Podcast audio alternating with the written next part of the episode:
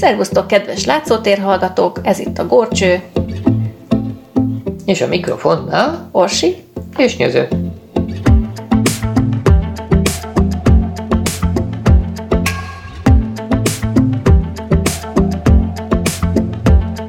No hát, akkor folytassuk Hitchcockkal megint. Remélem még nem unjátok. De ha igen, akkor is annyit tudunk biztatólag elmondani, hogy ez az utolsó tervezett adás. Igen, és azért nem maradok szerintem érdekességek nélkül most sem. Igyekszünk legalábbis titeket informálni. Hogyan kell függönyt szaggatni, meg minden lesz benne. Ja, meg topázt lopni, meg összeesküdni, meg ilyesmi.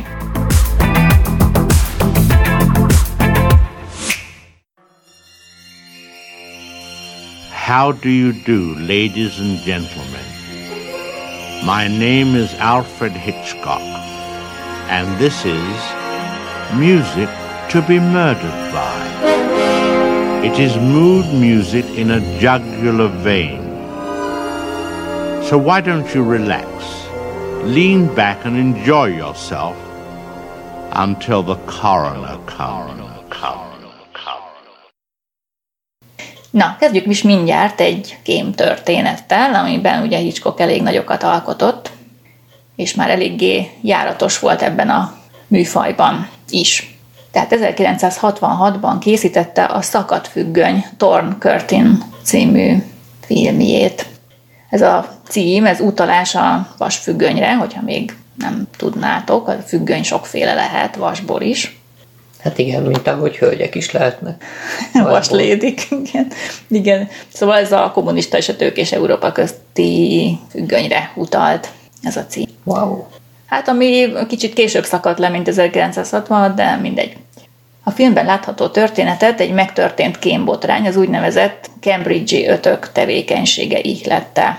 Na hát én utána néztem, én a Cambridge-i ötöknek már valahogy nem vágtam a témát, nem tudom, nektek rögtön beugrik-e, hogy miről van szó. Nekem nem ugrott be. Szóval Cambridge az oké, okay, tehát tudjuk, hogy Angliában, vagyis Nagy-Britanniában van. Megvan egy, Amerikában is egyébként. igen, de most ez, ez az angliai, angliai kémszervezetre utal, egy szovjet kémhálózat mégpedig, de angolok voltak vérbeli britek a kémhálózat tagjai, csak a szovjeteknek kémkedtek. Na, szóval a tagjai a Cambridge Trinity College-nak a tagjaiból szervezték be egy elit titkos társaságon a Cambridge Apostolok nevű vitakörön keresztül. Igazából sokkal több tagja lehetett ötnél, ötről viszont biztosan kiderült a 60-as évek elején, hogy, hogy ők tagjai voltak. Cambridge-ben a, az elit társadalmi rétegnek a magasan képzett vezetőbeosztású és magas rangú tagjai végeztek ugye, hiszen az egyetemen, közülük voltak jó páran a 30-as években, a nagy gazdasági világválság idején, akik megkérdőjelezték a tőkés gazdaság létjogosultságát, és baloldali marxista, kommunista nézeteket vallottak. Őket ezért nem üldözték, sőt, több tanár is volt, aki szabadon gondolkodó értelmiségiként hangoztathatta a baloldali nézeteit, ugye a katedráról akár. Nem csoda, hogyha akadtak diákok, akik utópista módon a Szovjetunió támogatásában vélték megtalálni a világot sújtó problémák megoldásának a lehetőségét. Ekkoriban ugyanis a szovjet gazdaság látványosan fejlődött, a nyugati eszmékre még nyitottabbak voltak, mint ugye később, a sztálini terrorkora pedig még nem kezdődött el azok az információk, amik hozzájuk eljutottak, azok még egy viszonylag szép új világnak a képét festették. Mikori időszak? 30-as évek. Aha, tehát még a világháború előtt. Igen, igen, igen. A kémhálózat tagjai a második világháború alatt dezinformációs anyagokat juttattak a nácik kezébe a szovjetekről, de a Szovjetunió javára végzett kémkedést az 1950-es évek elején is folytatták. Titkos katonai és nemzetbiztonsági információkkal látták el a Szovjetuniót. A Cambridge-i ötökből hárman váltak hírhetté tevékenységükkel. Guy Burgess például, aki elsősorban az ENSZ csapatainak ázsiai hadmozdulatairól tájékoztatta Stálint. Aztán volt Donald McLean, 1948-ban szigorúan bizalmas információkat juttatott el a szovjet vezetéshez az Egyesült Államok nukleáris fegyvereiről, hát ez már azért eléggé komoly dolog volt. Stalin a hírek birtokában merte blokkád alá vonni Berlint. Aztán volt még egy harmadik, Kim Philby, lényegében összekötő volt a nyugati titkosszolgálatok között. Az FBI annyira megbízott benne, hogy megbízta a brit követség tagjai közé beépült ismeretlen szovjet kém, vagyis pont McLean leleplezéséhez való közreműködésre. Philby persze azon munkálkodott inkább, hogy McLean ne lepleződjön le. Minden erőfeszítése ellenére 1951-ben küszöbön állt Burgess és McLean letartóztatása, amikor is hirtelen eltűntek, és a Szovjetunióban bukkantak fel, nagy port verve fel az elszökésükkel. Philbit is gyanúsnak találták, nyomoztak utána.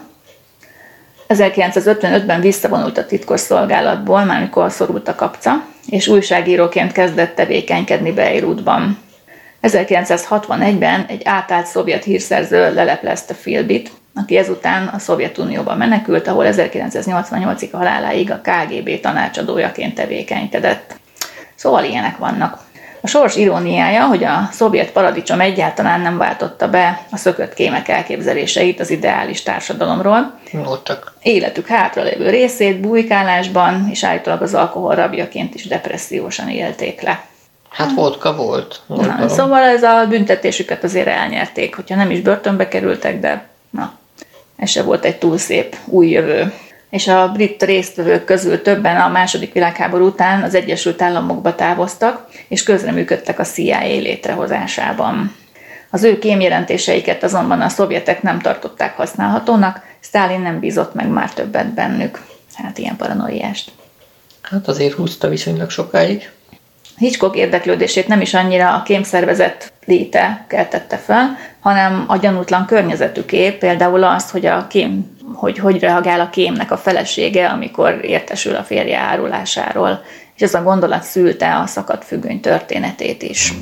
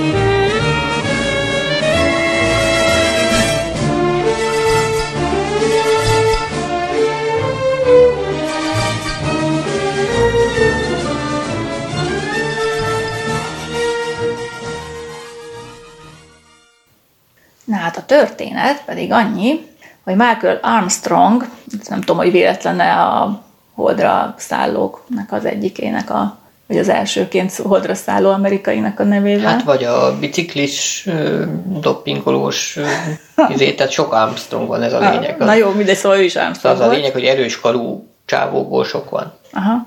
És ő egy amerikai atomfizikus professzor játszik, és hát ezen a néven játszotta őt Paul Newman, Kopenhágába utazik egy nemzetközi fizikus kongresszus meghívására, asszisztensével, Szárával, aki egyben a mennyasszonya is. Ilyen kényelmes dolog, nem? Uh-huh. Armstrong bejelentette, hogy Stockholmba kell utaznia egy váratlan meghívás miatt. Szára egy kicsit megsértődik, de csak hamar megdöbbenésnek adja át a helyét a sértődöttség, amikor kiderül számára, hogy vőlegénye nem is Stockholmba megy, hanem Kelet-Németországba távozik, tehát oda vett repülőjegyet. Ezek után úgy döntött, hogy ezt a veszélyes utat nem vállalhatja Michael nélküle, és nem képes azt se elviselni, hogy, hogy kihagyják, ugye, vagy hát ejtik őt, de most már a, ráadásul még a hazáját is el akar járulni, a férfinál ezt már végképp nem engedheti, mint hazafias menyecske. Ezért ő is oda megy a igen. frontra, hát ez mondjuk logikus, nem? Igen, igen. Tehát ő annyira úgy érzi, hogy ezt meg kell akadályoznia, és magyarázatot kell kérnie ugye Michael-től, hogy, hogy utána megy a repülőn. A diszidálást azt készséggel elhitték neki a németek, mivel Armstrong professzornak rakétakutatási projektjét az amerikai kormány leállította éppen azelőtt nem sokkal.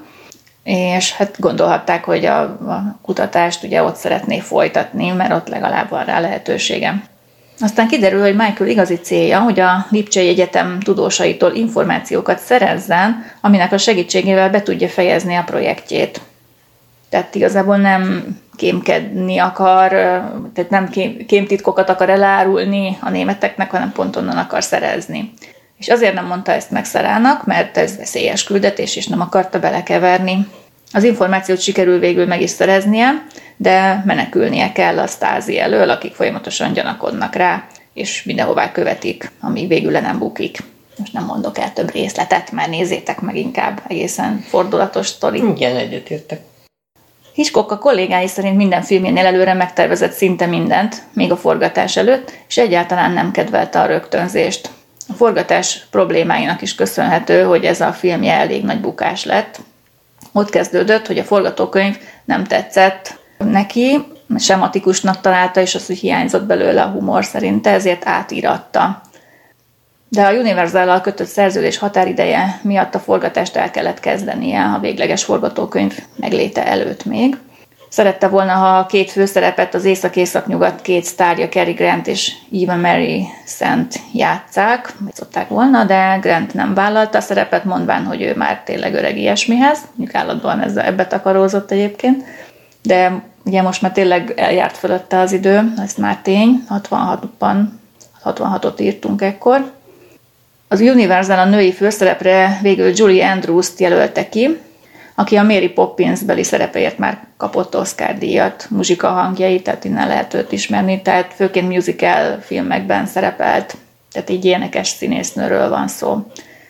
A férfi főszerepet végül a kor egyik sztárja, Paul Newman kapta meg. A forgatókönyvíró Brian Moore sajátos módon vett elégtételt Hitchcockon, amiért ez megkritizálta a forgatókönyvét, ugye ő volt az eredeti forgatókönyvíró. 1970-ben írt egy regényt Fergus címmel, amelyben az egyik ellenszenves szereplőt felismerhetően Hitchcockról mintázta. A nemes bosszú. Na, igen, hát az íróknak ez a bosszú lehetősége, az megvan. Hitchcock eredetileg Lengyelországba akarta helyezni a cselekményt, egy lengyel filmszakember erről lebeszélte, és inkább Kelet-Németországot javasolta. Az egyik szereplő viszont Kucsinska grófnő azonban lengyel maradt a, a filmbeli szerepe szerint, és Hitchcock vele akarta szimbolizálni a vasfüggöny mögötti élők vágyódását a szabad világba. Paul Newman eleinte lelkes volt, hogy Hitchcockkal dolgozhat, aztán egyre kevésbé tudta elfogadni a diktatórikus rendezői módszereit. És elég sok összetűzésük volt a forgatás alatt, mert Paul Newman sokkal improvizatívabb színész volt, Hitchcock meg ezt nagyon nem tűrte. Hitchcock nem alkotótársnak tekintette a színészeket, hanem eszközöknek arra, hogy az ő elképzeléseit a kamerák előtt megvalósítsák. Ez alól csak keveseknek tett kivételt, például pont ilyen volt Cary Grant is. Ő állította, hogy, hogy nem azt állítom, hogy a színészek barmok, hanem hogy úgy kell velük bánni, mint a barmokkal. Apró különbség. Kedves, igen. Kedves. Tehát ő kikérte magának, hogy ő nem állította ezt, hogy, hogy a színészek barmok lennének, csak úgy kezelte őket. Egy anekdota szerint, mikor Newman már sokadjára kérdezte meg Hitchcocktól, ugyan mi motiválja az általa megformált Armstrong professzor cselekedeteit, Hitchcock úgy felelt neki, magát ebben a filmben egyetlen dolog motiválja, a gázsia. Külön-külön a két főszereplő jó színész, de itt együtt rossz párost alkottak, teljesen vérszegény az alakításuk. A harmadik dolog, ami miatt a film bukásra volt ítélve, az a kísérőzene. Az eredeti kísérőzenét Hitchcock barátja Bernard Herrmann komponálta volna, vagyis hát nem csak komponálta volna, hanem komponálta is, azonban állítólag Hitchcock elégedetlen volt ezzel.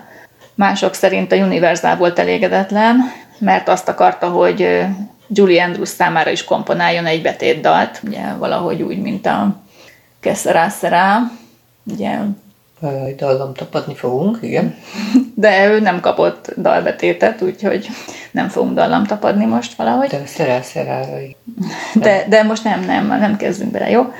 És valahogy a film témájához nem illett ez a dalolás, és nem került bele a dalbetét. Az igazi ok azonban valószínűleg az lehetett, hogy a Universal újszerűbb zenét szeretett volna komponáltatni a filmhez, ezért a Tom Jones című kalandfilm Oscar díjas zeneszerzőjét, John Edison-t bízták meg egy új filmzene megírásával. Ez azonban a kritikusok szerint fantáziátlan és hatásvadász lett. Hörmen viszont úgy megsértődött, hogy többet nem volt hajlandó Hitchcockkal együtt dolgozni, tehát ez sikerült viszont elérni. Uh-huh. Úgyse volt sok filmje. Viszont az új Hollywoodként emlegetett rendező nemzedék felfedezte Hörment magának, aki velük valahogy meg tudott mégiscsak újulni, és többször dolgozott együtt például a Hitchcock epigonként emlegetett Brian De Palmával, például a Megszállottság című 1976-os filmjében, és Martin Scorsese is alkalmazta őt zeneszerzőként, a klasszikusában a taxisofőrben, 1975-ös taxisofőrben írta Hörman a zenét, és ezekért majdnem meg is kapta az Oscárt, de ez már ugye az élete végén volt Hörmannek. A szakadt függöny DVD-n kiadott egyik változatának extrái között vannak olyan jelenetek, amelyek alatt még Hörman kísérő zenéje hallható. A német ügynök, van benne egy német ügynök is, Gromek, elég vicces neve van, az ő meggyilkolását elég brutálisan ábrázolta Hitchcock, állítólag azt szerette volna bemutatni, hogy milyen nehéz megölni egy embert valójában. Egyes kritikusok iróniát véltek felfedezni abban, hogy Gromeket éppen gázzal sikerül végül kinyírni. Ezt sokan a holokausztra való utalásnak vették. Tényleg egyébként, nem? Tehát hát, nekünk is ez jutott eszünkbe, mikor láttuk. tűznek a fejét belenyomni ugye egy gáztűzhelynek a sütő részébe. Igen. És végül abban írták itt, bár előtte leszúrták, meg folytogatták, meg volt minden. Fejbe vágták, nem? Tehát válog, válogatott halálnemekkel próbálták meg kinyírni. Kicsit már majdnem, ha nem lett volna ennyire morbid, akkor nevetséges lett volna. Hát lehetne azt is a, a visszatérő rossznak a, ami mindig visszatér, és mindig új előre kap, és több körben lehet csak igazán legyőzni, és egy, együtt, mert ugye mégis együtt nyírják ki. Na mindegy, mm-hmm. nem spoilerelek tovább. Hitchcock eredetileg úgy akarta befejezni a filmet, hogy Armstrong eldobja azt a cetlit, amire felírta a titkos képletet, amit ugye sikerült megszereznie a lipcsei tudóstól. Ez összhangban lett volna a naív tudós karakterével, aki önként és amatőrként vállalta a kémkedést, amely azonban sokkal mocskosabb munkának bizonyult, mint gondolta. Ugye sokan meghaltak, vagy éppenséggel az életüket kockáztatták ennek az információnak a megszerzéséért. Hitchcock feleségen Almán kívül azonban ez a befejezési ötlet nem tetszett senkinek. Hát szerintem kár pedig jellegzetesen Hitchcocki befejezés lett volna ez, hogy eldobja a cetlit a végén, mm-hmm. hogy ugye nagy nehezen sikerült megszerezni. Vagy lehet, hogy pont ezért nem engedték, hogy ha már olyan nagy nehezen annyi ember meghalt miatt, akkor fölhördülnek a nézők, hogy, hogy milyen lazán eldobja. Hát jó, de szerintem az, hogy reakciót váltunk ki a nézőből, az többet ér, mint az, hogy nem mindegy, megszavaztatjuk. Nektek melyik befejezés tetszett volna, hogy nem dobja el a cetlit, vagy eldobja a cetlit az információval? Na hát szavazatokat a chatben várunk szeretettel. Kimaradt az a jelenet is a filmből, amelyben Armstrong találkozik Gromek testvérével, az eredeti forgatókönyvben ez lett volna, aki egy képet mutat Armstrongnak Gromek három gyermekéről, ugye akik ugye árván maradtak. Ezután azzal a késsel falatozik a kolbászból, amelyel gromeket szúrták le. Enyhén megint a fekete humor. Nem lett volna ez olyan rossz jelenet. Tehát Igen, de ez kimaradt volna benne erő. Hát az a Hitchcocknak a humorára utal megint csak. Jó. Ez, ez, ez nem is egy humor, ez inkább igen, ez mondani ilyen, való. Igen, igen. Amikor a színház nézőterén elkiáltja magát Armstrong, hogy tűz van, hogy el tudjon menekülni a pánikot kihasználva. Ezt a jelenetet újra rendezve láthatjuk az 1997-es Összeesküvés elmélet című filmben is, amelyben Julia Roberts és Mel Gibson játsza a főszerepeket.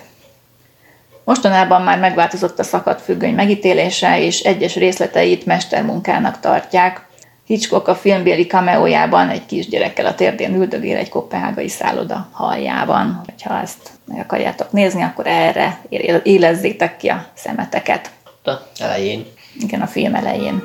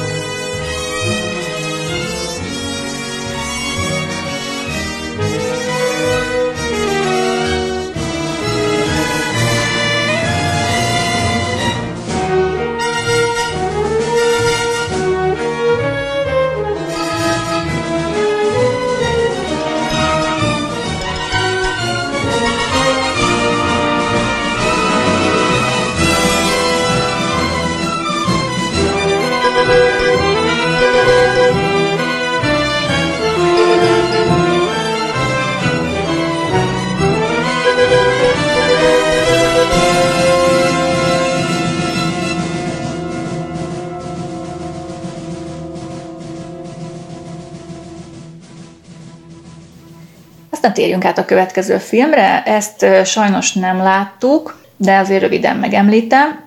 1969-ben készült a Topáz című film, Leon Uris 1967-es Topáz című regényéből született a forgatókönyv, amely az 1962-es kubai rakétaválság történetét dolgozta fel. Egy francia diplomata szemszögéből, aki végül saját hazája államvezetésében leplez le szovjet ügynököket, és szovjet rakéta állások telepítésére derít fényt Kubában.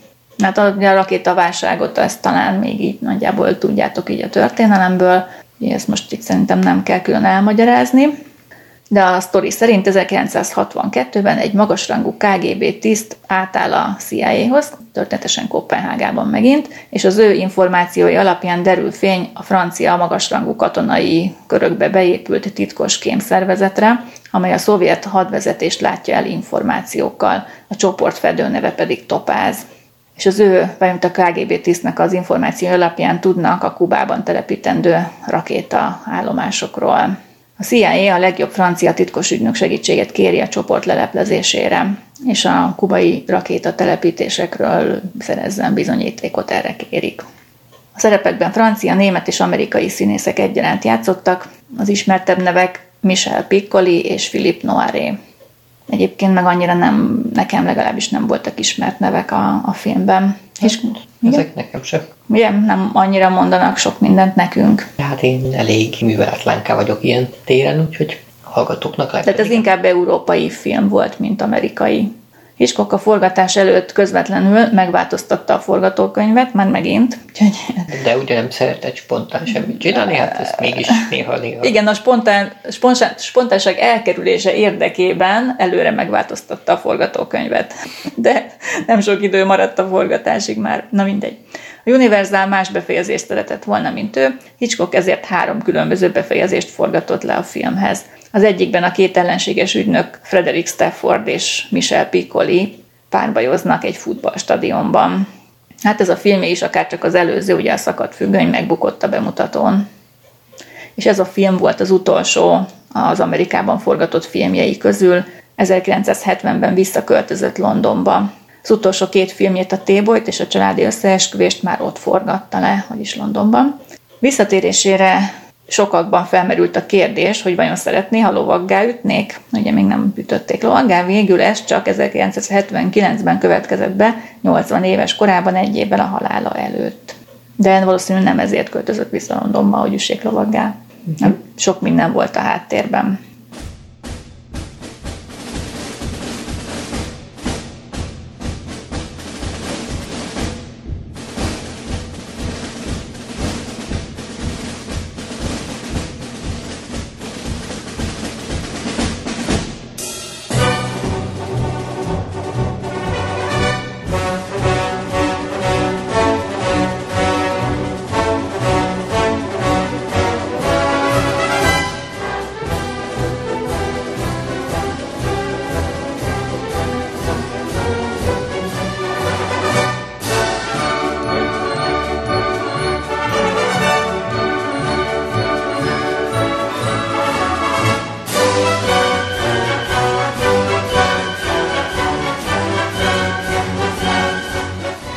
1972-ben mutatták be a T-Boy Frenzy című filmjét. A Frenzy egyébként inkább őrjöngést, őrületet jelent így szó szerint.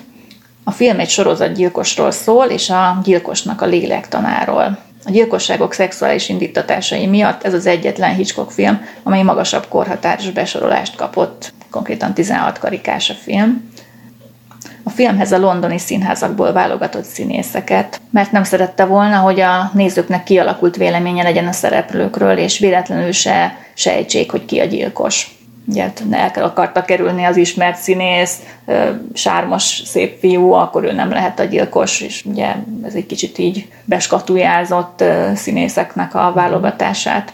De egyébként egész jó ötlet volt szerintem a színpadi színészeknek a beválogatása, és egyáltalán nem volt zavar, hogy nem ismertük a színészek arcát, semmilyen más filmből. Ezért nem is gondoltad róla, hogy kérjük. Uh-huh. Igen. A film felénél persze leleplezi magát a nézők előtt is a gyilkos, de addig valóban nem lehet sejteni, hogy most melyik is a két pasi közül. A történet lényege, hogy Londonban egy titokzatos sorozatgyilkos a nyakkendős gyilkos szedi áldozatait, amikor a kisi heves vérmérsékletű Dick Blaney a volt feleségét, egy házasság közvetítő iroda vezetőjét erőszakolja meg és folytja meg egy pszichopata gyilkos, a rendőrség az épp rosszkor és rossz helyen tartózkodó Blaney-t gyanúsítja. Blaney-nek egyedül a barátnője Barbara próbál segíteni, de ő is a gyilkos áldozatává válik nem sokkal ezután, és ezzel még jobban gyanúba keveri Blaney-t. Oxford felügyelő nyomoz az ügyben, végül el is kapja Blaney-t, akit elítélnek a gyilkosságokért életfogytillanra. Hiába mondja Oxford felügyelő felesége, hogy ő nem lehet a gyilkos, ugye hát hiszen... Mert úgy érzi. Mert úgy érzi. Sok komoly indoka azért nincs a Hát néninek, jó, de hát, hogy miért, miért ölné meg a nem tudom én hány évvel azelőtt elvált feleségét, hiszen már elváltak. Miért kéne még meggyilkolnia is, igaz? Hát meg, ráadásul szexuális indítatású gyilkossággal. Tehát ezt ő elképzelhetetlennek tartja egy vállás után. Na mindegy, szóval ilyen női megérzéssel. Nagyon aranyos egyébként a Oxford házaspár, ahogy a nő a, igen, a francia reformkonyha ilyen fine diningos fogásait tálalja mindig a férjének vacsora gyanánt, aki persze jó brit felügyelő, hát kisé fanyarogva lát neki a vacsorának mindig. És éhes szegény. És állandóan éhesen marad, igen. Kénytelen a munkahelyén két pofára zabálni a finomabbnál finomabb étkeket. Igen, igen, ebben a, mutatják is egy ilyen hemendexes reggeliét a filmben, most mondod. Ahol hmm. jó dús reggelit. Lépjünk, mert éhes leszek. a zsonka is tojás illata megcsapott, mi? És még emleget. Szörnyű. Na jó, remélem ti nem kaptatok most étvágyat, és nem mentek el enni, hanem hallgatjátok tovább. Este nyolc után már. nem szabad. Na, hol is tartottam? Na várjál, ah, igen, a feleségnél. Nem mennek. Igen, és férje most is tévedett, természetesen ezt akarja sugalni a feleség. Bléni tudja egyedül, hogy ki az igazi gyilkos, mivel egyedül a magát barátjának való Robert Rusk zöldségkereskedő tudta a meggyilkolt Barbara ruháit a podgyászába csempészni. Tehát ez már ugye eleve kiderült számára, persze a rendőrség számára nem. Bléni az ítélet kimondásakor kétségbe esetten kiabálja a rendőröknek, hogy, hogy Rusk a gyilkos ő tette, Oxford felügyelő lelkiismeretességének és a alaposságának, no meg a feleségének köszönhetően a nyomozás folytatódik, és keresik a bizonyítékot Rask ellen, amit végül meg is találnak. Ugye elég vicces, amikor a krumplis zsákok között a rejtett hullát és annak az új kezébe akadt nyakkendőtűt kell kifeszegetni a hulla kezéből, miközben a teherautó platóján már hmm. kell rejtőzködnie az éjszaka hát között. Hát szóval, igen. igen. Tehát így van, nem nélkülöz megint izgalmakat, fordulatokat és humort a film. És épp akkor érkeznek végül Rászkhoz a letartóztatási parancsal, amikor Blaney megszökött a börtönkórházból, hogy, hogy megölje Rászkot, és még éppen nem sikerült neki, mert megint egy hullát talált az ágyban Rászk helyett. Ráadásul sikerül a gyilkos tetten érni egy újabb női holtesttel a lakásban. Úgyhogy így lesz vége, végülis happy end a sztori. Hát happy end, de ugye ezek közben azért hát a hullanak ott a... Igen. Hullanak a hullák. Igen. Hitchcock a Frenzivel akart visszatérni két bukott filmje után, ugye megint a siker szériába, és nem a lovaggá ütés, inkább a sikertelenség volt az, amely öm, miatt visszatért a korábbi hazájába, Angliába. Viszont itt sokkal kevesebb pénzből kellett filmet forgatnia, mint Amerikában megszokta. Visszatért ezért az általa kedvelt témához, ami már többször is jól bevált. Hát ehhez tartozott az, hogy az anyukája által befolyásolt és nőgyűlölő pszichopata kétgyilkosról készített egy thrillert. Tehát ez volt a jó bevált recept. És itt is megjelenik az ártatlanul megvádult főhős, Blaney, és átszövi a filmet Hitchcock sajátos fekete humora is. Nem tévedett, a film sikeres lett, a film megtestesíti mindazt, amiben Hitch a legjobb volt, sokkolja a nézőt, hogy egy kedves segítőkész az anyukájáért rajongó férfiban ilyen indulatok lappanghatnak, Ilyen erővel bármelyik ismerősünk, barátunk lehet pszichopata gyilkos. Nem biztos félve mentek utána a zöldségeshez. Az biztos, hát egy sima zöldséges. Főleg, ha volt nyakkendője is a zöldségesnek. Na igen, az, az gyanús. Tehát vigyázni nehogy egy pszichopata gyilkosba botoljunk. Bléni ezzel szemben kellemetlen, kisé erőszakos, durva jellemű ember, de nem hajlamos a gyilkosságra. A néző szimpátiája átfordul Raskról Blénire, ugye hát a film közepén egyértelműen. A két főszereplő ellentétességére és egymást kiegészítő személyiségére már láttunk példát az idegenek a vonatomban. Sőt, azon van a, az a másik hasonló jelenet is, ugye ez a küzdelem a nyakkendőtűjére a hullakezébe, ott meg a kulcséra a csatornában. Igen. Tehát ugyanaz a hangulat világú klisé, hogy a bűnös küzd a bizonyíték megsemmisítéséért. Két gyilkosságot is látunk a filmben, az elsőt hosszan és alaposan bemutatva, ez elég horrorisztikus, a másodikat pedig csak sejtetve, ez inkább ilyen thrillerszerű vonás. Jól látható egy filmben a két műfaj közti különbség. 1972-ben készült, a szexuális forradalom már javában zajlott, és nem kellett a cenzúrának megfelelnie, ez érződik a jelenetek naturalisztikusságán is. Viszont ugye a magyar verziókból valószínűleg ezeket kihagyták. Hát az elején biztos. Ez ugye onnan derül ki, hogy amikor mostanában néz az ember vissza egy ilyen filmet, akkor általában teljes film szokott benne lenni a magyar szinkronnal, és időnként ugye átvált angolra, az eredeti hangra, uh-huh. és azok voltak kivágva a magyar verzió. Hát itt nem angolra váltott vissza, hanem egy másik szinkron hang, de érezhetően másik szinkron hang szólalt meg igen, annál igen, a szereplőnél. Igen. Tehát azok a jelenetek valószínűleg eredetileg nem kerülhettek bele a 80-as a években prűd, vetített. Kicsit prűd, igen. szexuális forradalom előtti kommunista Hát igen, mert nálunk hiába volt 80-as évek, attól még... Attól még csak, mit tudom én, naptáron lehetett, naptáron lehetett a énekesnőknek megmutatkozni. Mesztelen melleket látni például, ja, igen. Szűcsudítok. Na, hát nekem ilyenek nem voltak a falamon, bocs. Kártyaptár nekem sem. csak nagy, óriás poszter. Olyan sem. Na jó, hát nem kell pironkodni. Nem pironkodok, nem volt.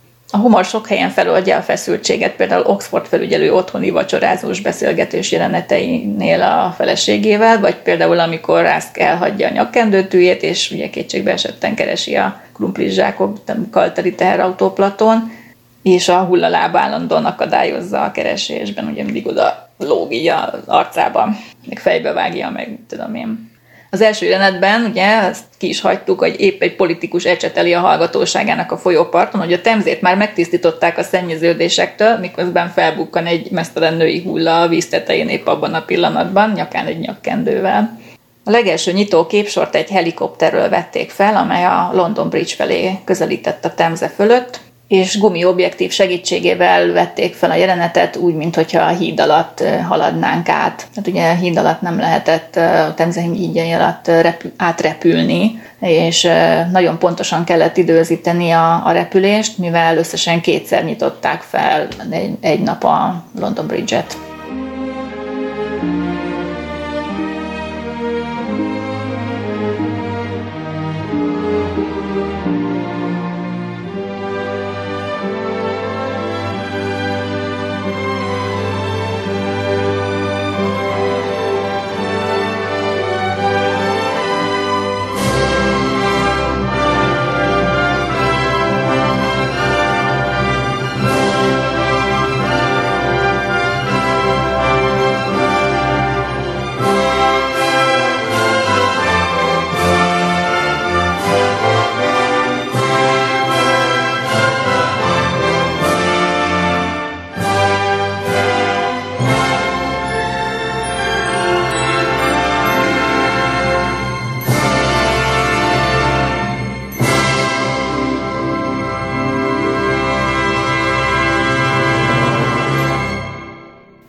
Forgatókönyvet Anthony Schaefer írta, a film gyenge pontja egyedül a színészi játék volt. Felügyelő és felesége kettőse az nagyon szórakoztató, és valahogy így képzelhető el Hitchcock és feleségének Almának a kapcsolata is, vagy a diskurzusaik vacsora közben. Alma Revilt egyébként a film forgatása alatt szélütés érte, ami miatt Hitchcock pár jelenet forgatását átadta másnak, és a feleségével volt inkább együtt a kórházban. Hát ő egy nagyon gondos, gondos férj volt. Egy abszolút alárendelte így a családnak a filmezést, ha éppen úgy volt. Pedig nagyon szeretett filmezni, ezt azért gondolhatjátok. Gilbert Taylor volt az operatőr, aki számos más híres filmet is fényképezett például az 1964-es Doctor Strange Labot, az 1976-os Oment, és az 1977-es Star Wars-ban is volt operatőr. A film sok jelenete játszódik a londoni Covent Gardenben, ahol Hitchcock a gyermekkorát töltötte. tehát neki ismerős volt ez a környék, ott a zöldséges üzlet és uh-huh. társai, meg a krumplizsákokkal teli hajnali teherautók, meg ilyesmi. A film zenéjének megkomponálására Hitchcock először Henry Mancini-t kérte föl, őt azonban kirúgta, mert szerinte nagyon Bernard Hermanosra sikerült a zene, és ez neki fájó pont volt. Ha Hörment akartam volna, akkor Hörmant is kérem fel, mondta. Nyilvánvalóan fájt neki a Hörmennel való szétválásuk, és nyilvánvaló volt, hogy őt már nem kérheti fel zeneírásra. Végül Ron Goodwin írta a film zenéjét. Összességében a Téboly egy jól felépített, szórakoztató és izigvérik Hitchcock film, mint egy összefoglalója a Hitchcock munkásságának, csak modernebb, realisztikusabb köntösben. Hitchcock még 72 évesen is mestere volt a közönség manipulálásának és sokkolásának.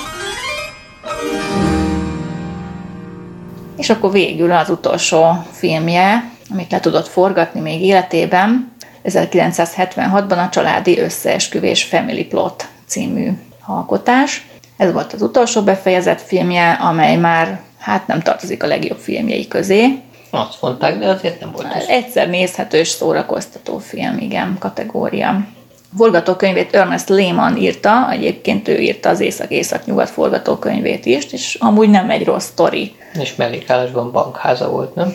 Azt nem tudom. A Lehman Brothers. Ja, lehet. Vagy legalábbis abból a családból származhatott. De ezt most ne vegyetek rá mérget. Szóval az eredeti regény, ami alapján a forgatókönyv íródott, Victor Kenningnek a The Rainbow Pattern című regénye volt, a Rainbird az a Julia Rainbirdre céloz, aki az idős hölgy volt, a gazdag idős hölgy uh-huh.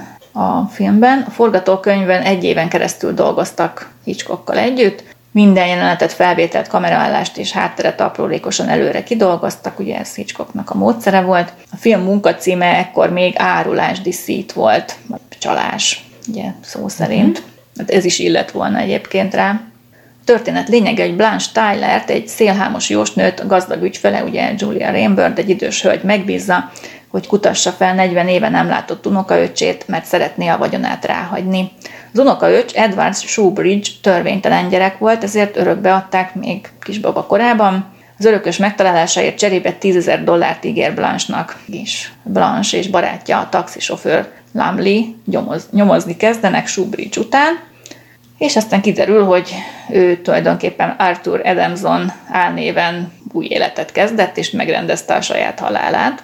Egy lakástűz volt az álca, amiben a szerencsétlenül járt. A nevelőszülők azok meg is mutláltak. Igen, meghaltak a nevelőszülei, és hát úgy csinált, mintha ő is meghalt volna, közben pedig hát ő, neki kiderült, volt köze a tűzhöz. És nem patkolódott el, hogy szólt. Aztán, igen, nem patkolódott el, ellentétben a szerencsétlenül járt nevelőszüleivel. Szóval ez az Edemson egy ilyen elég kétes hírű bűnöző, aki zsarolással és emberrablással keresi meg a betevőt, Arthur és barátnője Fran azon mesterkedik épp, vagy elrabolnak egy püspököt, aki ugye ráadásul Edemson keresztelő káplánja volt valamikor, és, és segített volna nyomra. Igen, és, és itt érnek össze a szálak, mert ő hozzáérkezik, ugye Blanche is, meg a, meg a barátja, hogy, hogy őtől szerezzenek információt ugye a kereszt gyerekéről és Arthur viszont a barátnével együtt azon mesterkedik, hogy eltegye a láb alól az utánuk nyomozó párost. Hát itt is van itt egy-két izgalmas és vicces, hát ilyen kísérlet erre, mondjuk úgy. A film krimi, de nem nélkülözi a végjátéki elemeket sem. Franz szerepében Karen Black látható, aki a színészet mellett dalszerző és énekesnő is volt. Még volt az a szőke parókás napszemüveges nőci. Ezt már megint Amerikában forgatta ezt a filmét, és amerikai színészekkel. Na, szerintem egy kis szórakoztató film, tehát így, így tényleg szódával elmegy kategória, de érdemes azért egyszer. Nem tudom, nekem nem volt mély, mélyen szántás benne, ez egyértelmű, mm. de kimondottan jól el volt vele. Bár ilyen lenne a legtöbb ilyen mai szórakoztatónak számít. Hát Igen. Azért, hát mondjuk kicsit, kicsit tényleg két órás volt, tehát lehet, hogy, lehet, hogy lehetett volna rövidebbre venni, de, de, de nem volt olyan nem, nem unatkoztam nem, rajta. Nem, unat, nem lehet Attól, hogy nem minden másodpercben százzal pörög, mm szerintem szép kényelmesen végig. Pörgét is lehetett követni, nem az volt, hogy most az ember így kettőt pislant, és már teljesen más történik. Igen, és itt a rossz elnyerte a méltó jutalmát, és hát a kis ebbek azok meg szintén elnyerték a, az ő jutalmukat, tehát hogy ők kikerültek ebből az egészből így győztesként végül is. És hát inkább ez adta a humorfaktort, hogy a jósnő még a végén is nem tagadta meg a színészi képességeit, hogy mondjuk úgy. Igen, és ki is kacsint a végén. Uh-huh. Nézőkre. És ebben zárul a film.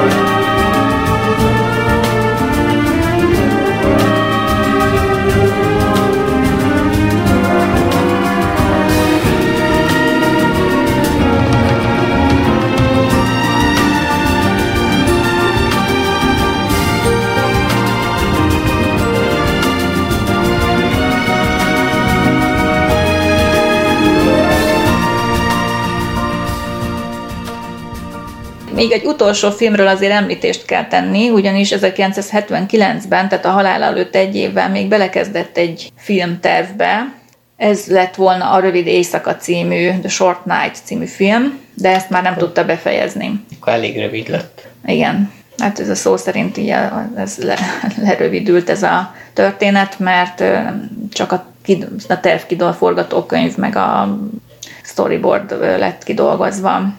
És utólag se csinálta meg senki? Nem tudok róla, hogy ezt megvalósította volna. Valószínűleg kegyeletből nem. Hát, vagy éppen azért kellett volna. Tehát, tehát tisztelegni úgy is lehet, hogy akkor nem fejezzük be, meg úgy is, hogy igen. De az már nem olyan lett be szerintem, mint egy Hitchcock film. Akkor meg lehet csinálni, csak, csak akkor ez már más lesz. De nem tudom, nektek lehet, hogy más a véleményetek. A film Ronald Kirkbride azonos című regénye alapján készült. Volna. Igen. A regény cselekménye, hogy egy angol kémnek, aki a Szovjetuniónak dolgozik, sikerül megszöknie egy londoni börtönből. CIA értesül róla, hogy a Szovjetunióba akar szökni a családjával együtt, Finnországon keresztül, tehát a család az Finnországban él, vagy lakik, és oda készül a, szökött kém is, és küldenek egy amerikai ügynököt, hogy tegye el lábalól a kémet. Amíg azonban azt várja Finnországban, hogy a kém felbukkanjon, ez a ügynök, beleszeret a kém feleségébe, aki ráadásul viszonozza is az érzelmeit. Persze az ügynök nem fedheti fel, hogy mi a feladata, tehát hogy uh-huh. meg kéne gyilkolnia a nőci férjét.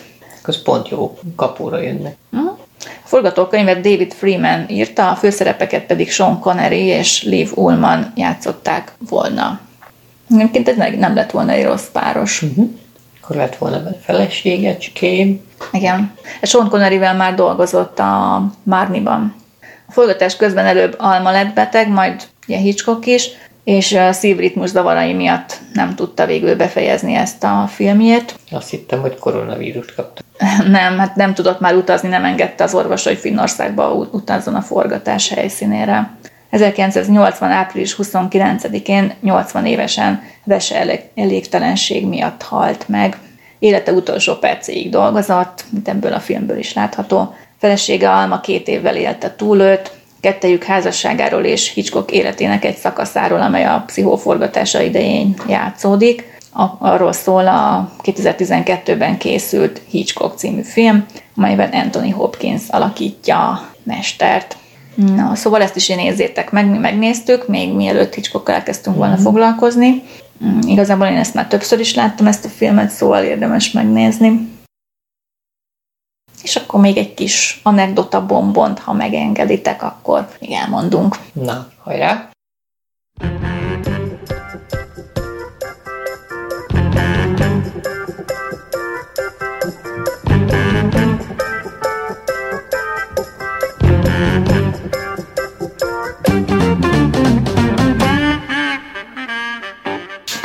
A, a nevéről Hitchcock a Hitch becenévre hallgatott, azt szerette, ha így szólítják, és azt utálta a legjobban, ha valaki Frednek vagy Kokinak szólította. Hát ezt mondjuk megértem. Volt, aki úgy szólította, nem tudom. Ezek szerint, hát ha utálta, akkor valószínűleg volt.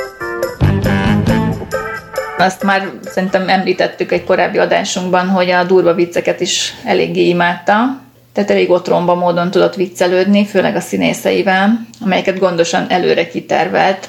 Egy alkalommal felültette a lányát Patrisát az óriás kerékre, és amikor azt feljutott a tetejére, kezelővel leállította a szerkezetet, a kislány pedig fentrekedt a magasban. Tehát a saját lányát se kímélte az ilyen humortól. De lehet, hogy imádta a kilátást onnan. Lehet, lehet, igen. Vagy összecsinálta magát szegényke. Egy másik alkalommal összebilincselt két sztárt, Robert Donatot és Madeline Carrollt a 39 lépcsőfok forgatásán, azután úgy tett, mintha elhagyta volna a kulcsot.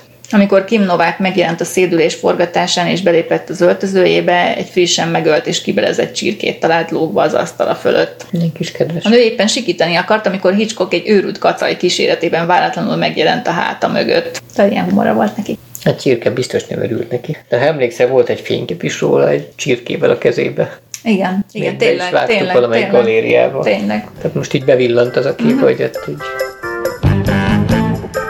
Aztán Hitchcock megszégyenítő célzatú tréfái között speciális helyet foglaltak el a sértő vagy hátborzongató ajándékai is. Az egyik alacsony növésű színésznek Peter Lorrinak például egy gyerekméretű öltönyt küldetett ajándékba, De hát azt legalább tudja használni. Tehát most és amikor a kis Melanie Griffiths meglátogatta anyukáját, ugye ekkor a Melanie hat éves volt, Tippi Hedrent a madarak forgatásán, Hitchcock meglehetősen furcsa karácsonyi ajándékkal lepte meg a kislányt, egy Hedrenről mintázott babát kapott tőle, amely egy kis fadobozban feküdt. nagyon ki. De lehet, hogy ezt jó szándékból csinálta, tehát nem gonoszkodni akart vele, hanem csak hogy emlékezzen rá, amíg nem találkoznak.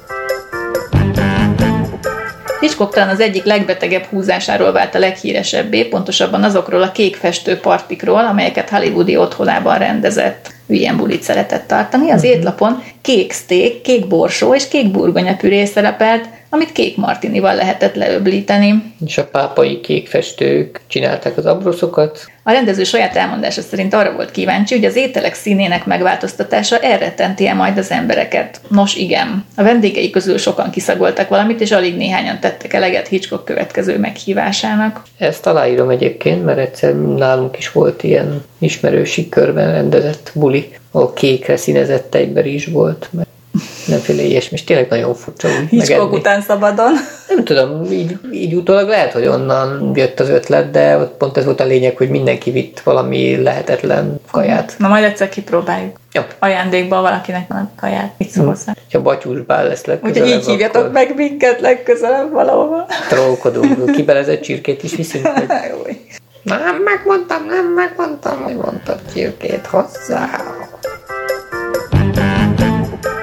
Hitchcocknak akadtak kevésbé antiszociális megnyilvánulásai is, amelyek közül néhány kifejezetten szórakoztató volt. Éveken keresztül olyan karácsonyi üdvözlőlapokat küldött az ismerőseinek, amelybe beleírta az angol ABC összes betűjét, kivéve a K és az M között levőt. Így kívánt mindenkinek boldog Noelt, azaz karácsonyt. Ja, Noel, tehát KM, de nincs benne L, tehát Noel. Érted? De hát ezt neked értened kellene. Biztos. Mert te is szoktál ilyen uborokat csinálni. Én. Igen. Szerintem ez tökre rád vallana. Na mindegy. Jaj, ezt inkább nem. Ez ennyire morbid volt? Igen. Ja, hogy nem volt neki köldöke, az volt a morbid. Tehát nagyon nagy hasú rendező volt, az ezt a, látni a kameóiból is, meg a fotókról is. Uh-huh. Hogy, És a fürdőruhás hogy elég pocakos férfi volt. A köldöke viszont egy hasi műtét során eltávolításra került, meg is bevarták a, az orvosok, hát ugye a műtét tehát úgy zárták le, és a családi összeesküvés forgatásán ráijesztett Karen Black színésznőre, úgyhogy felhúzta az ingét, és megmutatta neki a sima hasát, tehát a köldök nélküli hasát. Jaj. Hát azért gondba lett volna a látszótéren annak idején, ahol köldök nevű lecke is volt. Aha, hát, igen. És kifejezetten undorodott állítólag a tojástól, de ugye a Hemendexnél ott azért szerepelt a tojás, nem mindegy. Különösen a középső folyékony sárga részétől. Félek a tojástól jelentette ki egy alkalommal. Valójában nem is félelmet érzek, hanem undort, ami még rosszabb. Fehér kerekded valami, és egyetlen lyuk sincs rajta. Látott már annál undorítóbbat, mint amikor a tojás sárgája megreped, és a sárga folyadék elkezd szétterülni? A vér derűs vörös színű, a tojás közepe azonban undorító sárga. Soha sem kóstoltam meg. Hmm. Mondom, csak a filmben jelenetekben fogok szerepel. enni rántottát mindjárt. Most már másodszor hozom szóba a tojást. Bocsánat. Igen. A tojás az egyébként helytelen kifejezés, mert az a folyamat. Uh-huh. Az tojat lenne helyesen, mert eszünk.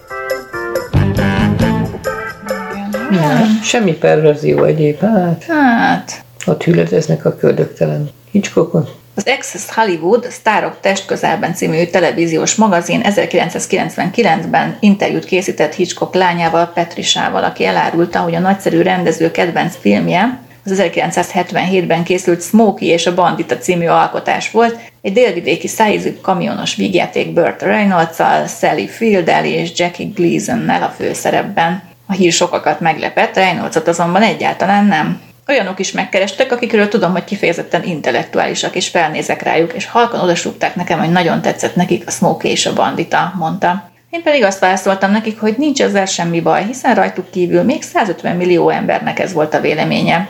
Őszintén örülök, hogy Hitchcock is így érzett. Szerény volt a bácsi.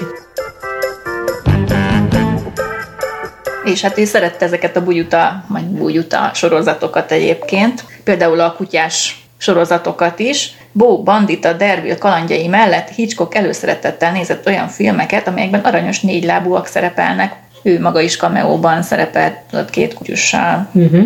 és neki is volt kutyája.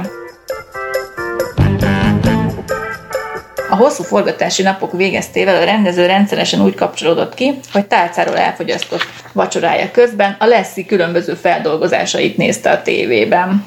Ezen kívül mindenki tudta róla, hogy a Benji című kutyásfilm szintén a kedvencei közé tartozott.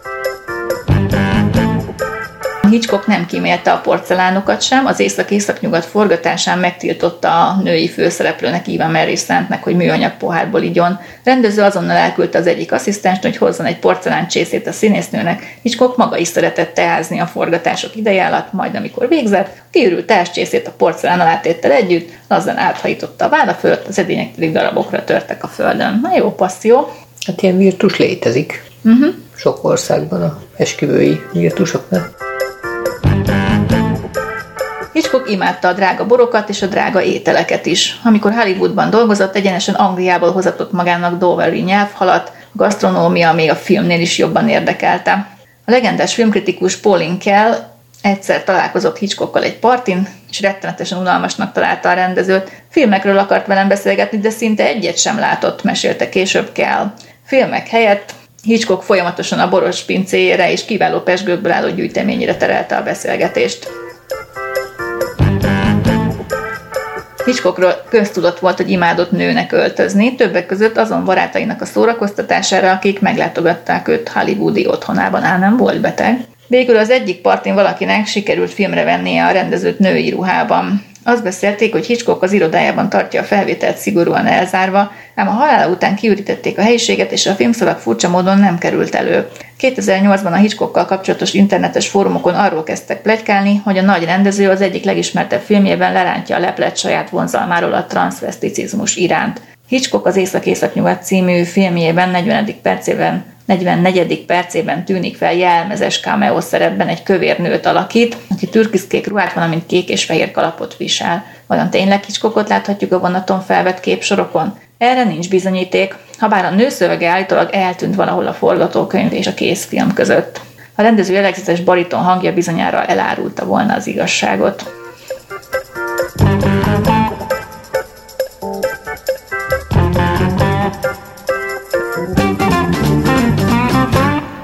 És akkor ennyi fért a mai adásba.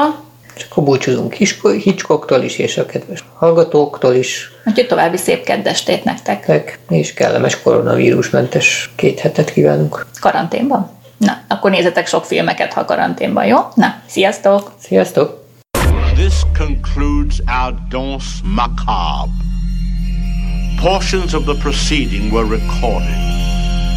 As for the rest of it, I'm very much afraid it was all in your mind. I don't intend to indulge in any post-mortem. If you haven't been murdered, I can only say better luck next time. If you have been, good night, wherever you